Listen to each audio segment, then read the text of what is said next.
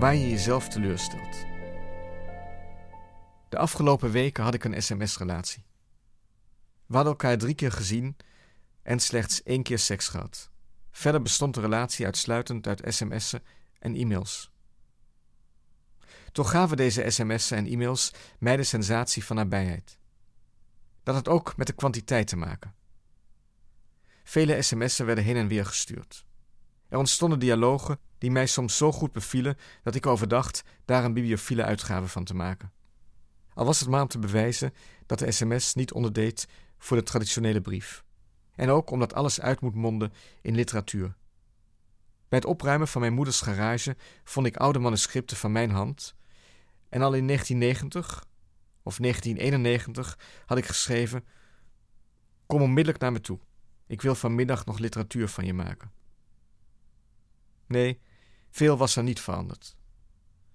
Af en toe kwamen mensen die bewust literatuur van zich wilden laten maken. Ook dat leidde dikwijls tot teleurstellingen.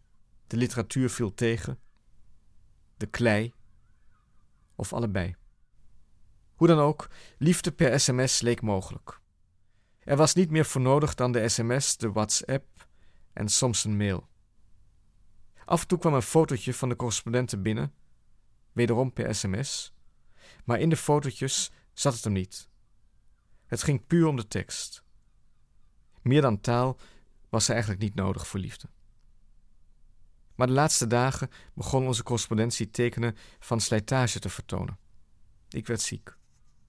In Düsseldorf nog wel. Een stad waar ik normaal gesproken nooit ziek werd, alleen maar beter. Het mag cynisch klinken, gezien de geschiedenis van mijn ouders, maar ik ben ervan overtuigd dat genezing in Duitsland begint. Ondanks deze overtuiging zette de ziekte door. Na een lezing had ik nog een etentje met een vriendin, maar halverwege werd ik zo verkouden dat ik het gevoel had drugs te hebben gebruikt.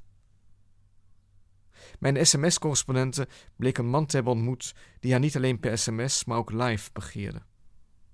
Hoe aantrekkelijk het sms ook is, een niet-virtuele man heeft vooralsnog voordelen.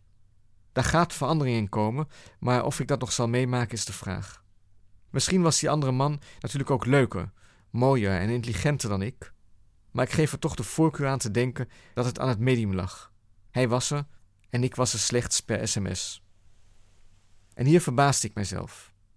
Het stak mij en deed mij meer verdriet dan verwacht dat mijn geliefde correspondente steeds verliefder werd op een man die meer was dan virtuele realiteit. Ik zag het per sms gebeuren. Sterker nog, ik kon het zo ongeveer live volgen. Een gevoel van onvolkomenheid had mij naar de melancholie en de verkoudheid gedreven. Verkoudheid en melancholie waren niet van elkaar te scheiden. Daarna, toen de liefde geconsumeerd was en hoe, en de correspondente mij, overigens op mijn verzoek, op de hoogte had gehouden van de consumptie, barstte de stilte los. Ook de stilte binnen de virtuele realiteit was oorverdovend. En de stilte bleef maar voortduren.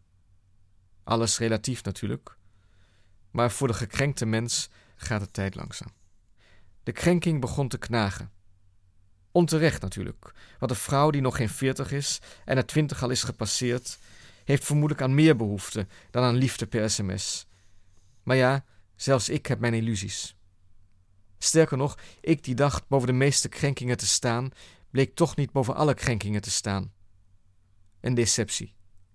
Op een avond schreef ik dat we gezien de huidige omstandigheden de correspondentie misschien maar niet moesten voortzetten. Een overbodige mededeling, want de correspondentie was al lang stilgevallen. Ach, de gekrenkte mens. Met welk een ongekende gretigheid maakt hij zichzelf belachelijk. Toch was er enige opluchting, omdat een van de belangrijkste waarheden eindelijk tot me doordrong. Thuis ben je waar je jezelf teleurstelt.